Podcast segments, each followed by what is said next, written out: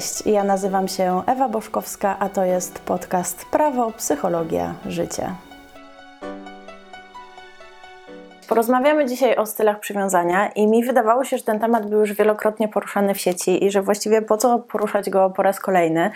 Ale z drugiej strony ten temat też regularnie pojawia się w okienkach z odpowiedziami, kiedy proszę Was o propozycję tematów do poruszenia. Dlatego dzisiaj opowiem o tym, czym jest przywiązanie, jakie mamy style przywiązania i co to właściwie y, oznacza dla nas i dla naszych relacji. Postaram się też przytoczyć kilka badań, które być może okażą się dla Was ciekawe. Natomiast pamiętajcie proszę, że mm, dzielę się jakąś tam wiedzą, którą posiadam w tym temacie, ale nie bierzcie tego, co dzisiaj powiem, za absolutną prawdę objawioną. E, po pierwsze, dlatego, że mimo wszystko ten temat poruszam na takim pewnym poziomie ogólności, na pewnym poziomie uproszczenia, a po drugie, dlatego, że psychologia to nie jest matematyka.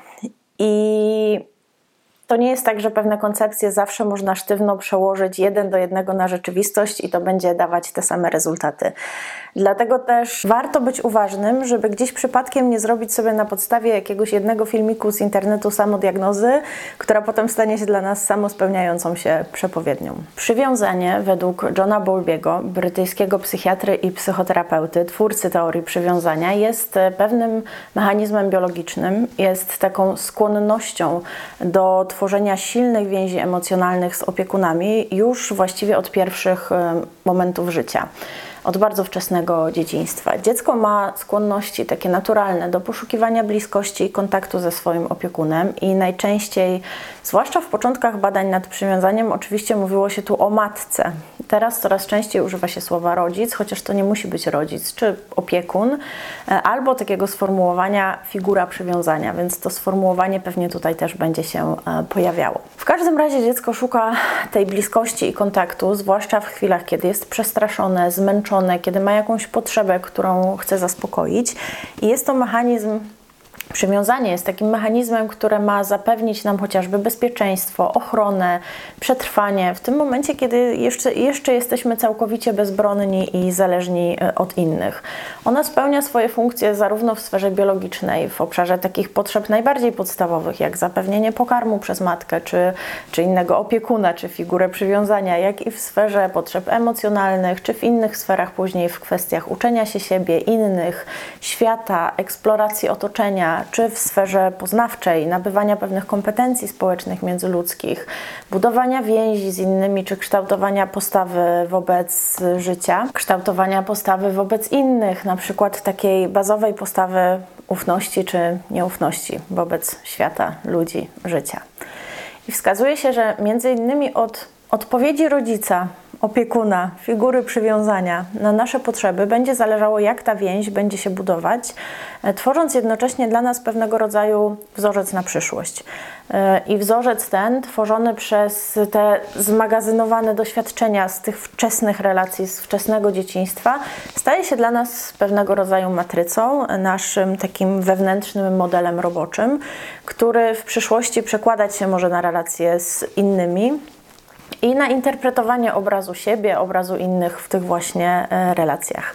I ja pamiętam z zajęć z psychologii relacji właśnie te dwa wspomniane przeze mnie określenia, czyli matryca i wewnętrzny model roboczy, bo one fajnie oddają istotę tego, jak to wczesno-dziecięce przywiązanie staje się w tej teorii pewnego rodzaju taką podświadomą instrukcją obsługi naszych relacji w przyszłości i Bowlby wskazał na bezpieczny i pozabezpieczny rodzaj przywiązania. Koncepcję tę rozwinęła później e, Mary Ainsworth, kanadyjska, amerykańsko-kanadyjska psycholożka, która prowadząc badania, w tym innymi przy pomocy tzw. Tak procedury obcej sytuacji, znacznie rozwinęła koncepcję Bowlbiego, wyróżniając oprócz bezpiecznego stylu przywiązania także style unikający oraz lękowo-ambiwalentny.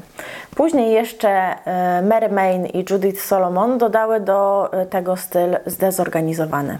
I Badając style przywiązania, obserwowano dzieci w tak zwanej procedurze obcej sytuacji, która nie zagłębiając się jakoś w szczegóły, wyglądała tak, że obserwowano reakcje dzieci, które przebywały w pokoju z matką, potem ta matka z pokoju wychodziła, dzieci zostawały same, z obcą osobą, w nowej dla nich sytuacji. I oczywiście ta rozłąka z matką nie trwała długo, ale pozwalała zaobserwować, jak dzieci reagują zarówno na wyjście matki, jak i na jej powrót a także jak dzieci reagują na otoczenie, kiedy są z matką, czy eksplorują to otoczenie, czy wręcz e, przeciwnie.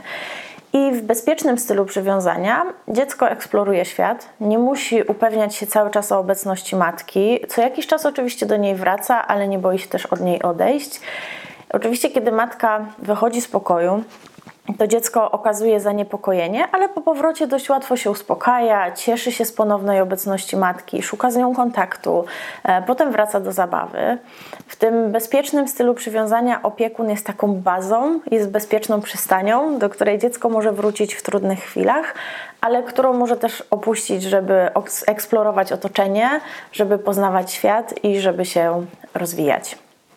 Wskazuje się, że Podstawą dla budowy bezpiecznego stylu przywiązania będą zdrowe relacje z opiekunem, który będzie dostępny i emocjonalnie, i fizycznie, który będzie troskliwy, będzie responsywny, wrażliwy na potrzeby dziecka. I dzięki temu dziecko może budować obraz siebie jako osoby zasługującej na miłość, zasługującej na zaspokojenie własnych potrzeb. To na pewno pomaga w kształtowaniu samooceny czy poczucia kompetencji w kontaktach społecznych a także w wykształceniu niezależności, umiejętności dostosowywania się, czy w późniejszym okresie odporności psychicznej. Dzięki temu jest większa szansa na to, że inni ludzie będą się jawić potem takiej osobie o bezpiecznym stylu przywiązania jako kochające, wspierające. Relacje z innymi ludźmi będą kojarzyć się z czymś, co może dawać satysfakcję, co może dawać spełnienie. I oczywiście Pamiętajmy i wróćmy też tutaj do tego, co ja powiedziałam na początku, że to nie jest tak, że zawsze dobra relacja z rodzicem i wykształcenie bezpiecznego stylu przywiązania sprawi, że to będzie recepta, coś jak magiczne pigułki na udane związki, bo życie oczywiście nie jest aż takie proste, ale te dobre doświadczenia y, z dzieciństwa będą mogły przyczynić się do tego, jak będziemy pojmować relacje w przyszłości, jak będziemy widzieć siebie, czy jak będziemy widzieć innych w tych właśnie relacjach. Co ciekawe, wskazuje się, że dzieci o bezpiecznym stylu przywiązania e, potrafią bawić się dłużej i utrzymywać uwagę, na przykład dłużej niż dzieci o lękowym stylu przywiązania. Mogą też okazywać więcej pozytywnych emocji. E, często mogą być przez to oceniane, oceniane przez innych, na przykład przez nauczycieli, jako bardziej posłuszne czy posiadające wyższe mm, kompetencje społeczne. I tak jak już wspomniałam, w przyszłości ten styl przywiązania może wiązać się z większym zadowoleniem ze związku, y, z łatwiejszym nawiązywaniem takich zdrowych, bliskich relacji, ze zdrową zgodą na zależność, ale jednocześnie takich, które mm, nie zagrażają autonomii i niezależności partnerów. To się może wiązać na przykład z wiarą, ale też z takim oczekiwaniem, że partner będzie przy nas w potrzebie, że będzie dla nas dostępny tak jak ten rodzic, czy opiekun, czy figura przywiązania. Ale jednocześnie możemy też przy nim bezpiecznie, samodzielnie e, eksplorować świat i w żaden sposób nas on nie ogranicza. Jeżeli chodzi o styl unikający, to dzieci, które cechuje unikający styl przywiązania, u tych dzieci można było zaobserwować taki pozorny brak zainteresowania osobą matki. Pozornie to dziecko nie przejmowało się tym, czy matka jest, czy wychodzi z pokoju, było obojętne. I de facto można by było pomyśleć, że super, że te dzieci są pozornie całkiem spokojne, eksplorują świat i tak naprawdę nic ich nie obchodzi, ale ten spokój wskazuje się, że może być pewnego rodzaju maską i sposobem radzenia sobie ze sytuacją stresującą. Dlaczego? Mówi się o tym, że ten styl unikający kształtuje się u dzieci, które doświadczają nieobecności czy obojętności opiekuna, braku dostępności opiekuna w sytuacji zagrożenia. I dziecko tak naprawdę potrzebuje tego opiekuna, figury przywiązania, ale kiedy ten opiekun nie jest responsywny, nie reaguje na jego płacz, ignoruje to dziecko, czasami wręcz reaguje negatywnie na próby nawiązania więzi emocjonalnej, to najczęściej takie dziecko będzie uczyło się, że skoro nikt nie zwraca uwagi na jego potrzeby, to najprawdopodobniej nie ma w ogóle po co o tą uwagę y, zabiegać. I wykształca to w dziecku takie niskie poczucie skuteczności w relacjach z innymi. Potem te dzieci unikają bliskiego kontaktu, może je cechować nawet lęk przed bliskością. Często wykształca się u nich bardzo negatywny obraz ja, mają niską samoocenę, mają przekonanie, że na przykład nie zasługują na miłość, a relacje z innymi mogą im się kojarzyć z pewnego rodzaju zagrożeniem, z czymś, co na dłuższą metę powoduje frustrację i rozczarowanie. I w przyszłości takie osoby mogą mieć trudność w nawiązywaniu i w utrzymaniu bliskiej relacji, mogą e, na przykład mieć taką bardzo wysoką potrzebę niezależności, prowadzącą wręcz do lęku przed jakąkolwiek najmniejszą formą zależności od partnera. A pamiętajmy, że w zdrowej relacji zdrowa zależność jest y, niemalże elementem nieodłącznym. I osoby o unikającym stylu przywiązania mogą mieć problem na przykład z obdarzeniem drugiej osoby zaufaniem, z obdarzeniem drugiej osoby akceptacją. Mogą się izolować od innych, mogą się nie angażować społecznie.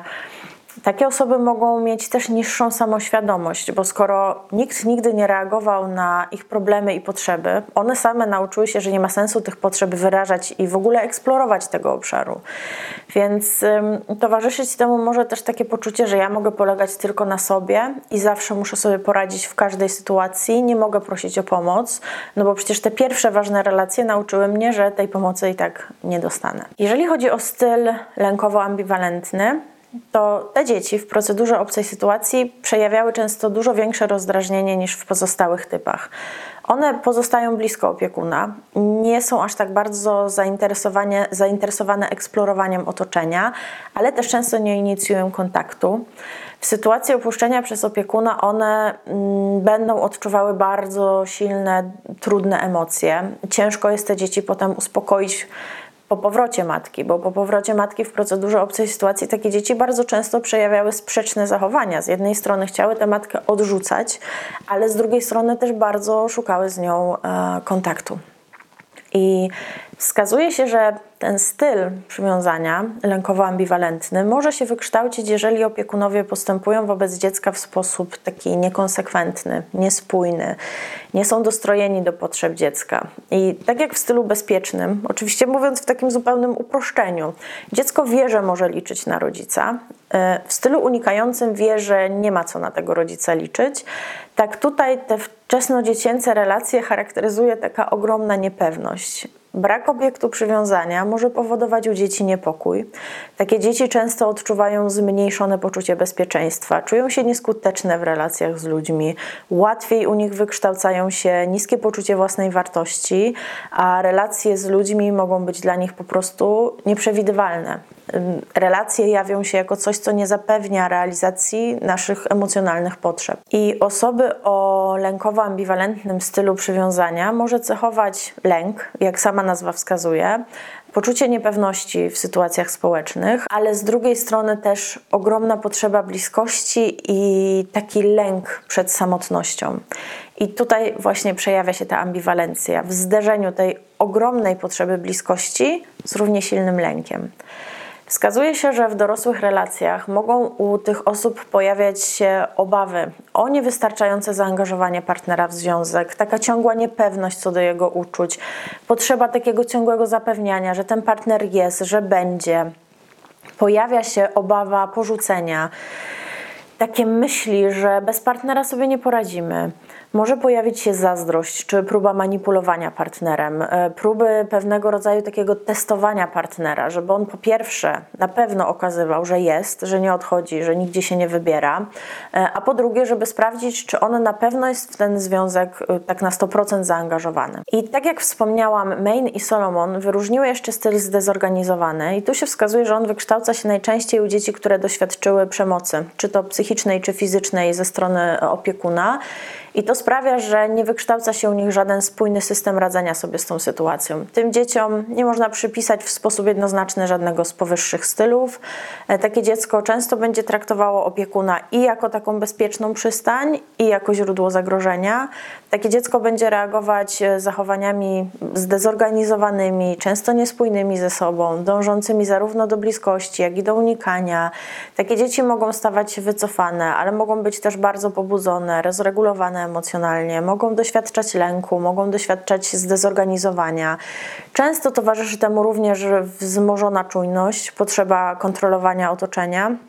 Nawet wskazuje się czasem, że w nieco późniejszym czasie dzieci u których wykształcił się ten styl, mają potrzebę kontroli i to zarówno rówieśników, y, jak i opiekunów. Oczywiście, tak jak wspomniałam, to jest pewnego rodzaju koncepcja teoretyczna. Nie jest zresztą jedyna, bo chociażby Bartolomew i Horowitz stworzyli swój model wzorców przywiązania, który był oparty, był umiejscowiony na takich dwóch y, wymiarach: y, pozytywnym i negatywnym obrazie siebie oraz pozytywnym i negatywnym obrazie innych. Mm, I na tej podstawie wyróżnili style bezpieczny, zaabsorbowany, odrzucająco unikający i lękowo unikający.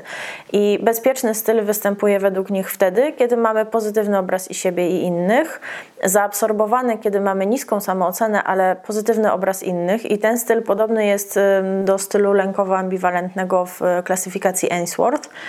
Mm, te dwa style unikowe, czyli odrzucająco unikający, mm, Pojawia się wtedy, kiedy mamy pozytywny y, obraz siebie, ale negatywny obraz innych, i lękowo unikający, kiedy mamy negatywny obraz zarówno siebie, jak i innych. Myślę, że w tą teorię akurat nie będziemy się dzisiaj zagłębiać, mm, ale warto się zastanowić, co w ogóle dla nas te modele mogą oznaczać, po co mamy na ten temat rozmawiać, dlaczego mamy to badać.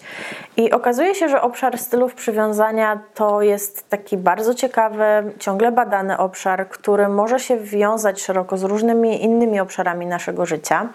Na przykład są badania, które wskazują, że style przywiązania e, mogą mieć związek z pewnymi objawami psychopatologicznymi. Zostawiam Wam link do tych badań e, w opisie i też zostawię tam link do kilku różnych innych badań, które mogą okazać się dla Was e, po prostu ciekawe. Oczywiście styl bezpieczny najczęściej łączy się z brakiem objawów. Traktowany jest czasami nawet jako taki czynnik ochronny dla objawów depresyjnych, a na przykład styl lękowy często wskazuje się jako predyktor zakłóceń w funkcjonowaniu społecznym i na przykład objawów e, somatycznych. Pojawiły się też takie badania wskazujące na istnienie korelacji, czyli związku pomiędzy zaburzeniami osobowości a stylami przywiązania. Zdarzało mi się na ten temat, zdarzyło mi się na ten temat nawet raz robić prezentację na psychologię osobowości. Mm, w tych badaniach wskazano, że osoby z wyższymi wynikami dotyczącymi zaburzeń, e, dotyczącymi zaburzeń osobowości przejawiają w mniejszym stopniu bezpieczny styl więzi oraz wykazują większe natężenie stylu lękowo-ambiwalentnego i stylu unikającego. Pojawiają się też hipotezy dotyczące dorosłych dzieci alkoholików wskazujące na to, że w porównaniu z osobami, których rodzice nie byli alkoholikami, dorosłe dzieci alkoholików mają e, wyższe wyniki w skali unikającego i lękowo-ambiwalentnego e, stylu przywiązania. Style przywiązania bada się też na przykład e, w kontekście romantycznych relacji i wskazuje się, że im bardziej bezpieczny styl przywiązania towarzyszy partnerom, tym większa może być na przykład satysfakcja ze związku, tym głębsza może być intymność, zaangażowanie czy lepsza komunikacja z partnerem e, i tym mniej może być zachowań e, konfliktowych. I oczywiście to są pewnego rodzaju ciekawostki. Te obszary z pewnością wymagają dalszych badań na szerszych grupach, bo część to są takie badania mm, bardzo dopiero wstępnie przeprowadzone. E, to nie jest tak, że to matematycznie e, potwierdza z dokładnością matematyczną dane tezy.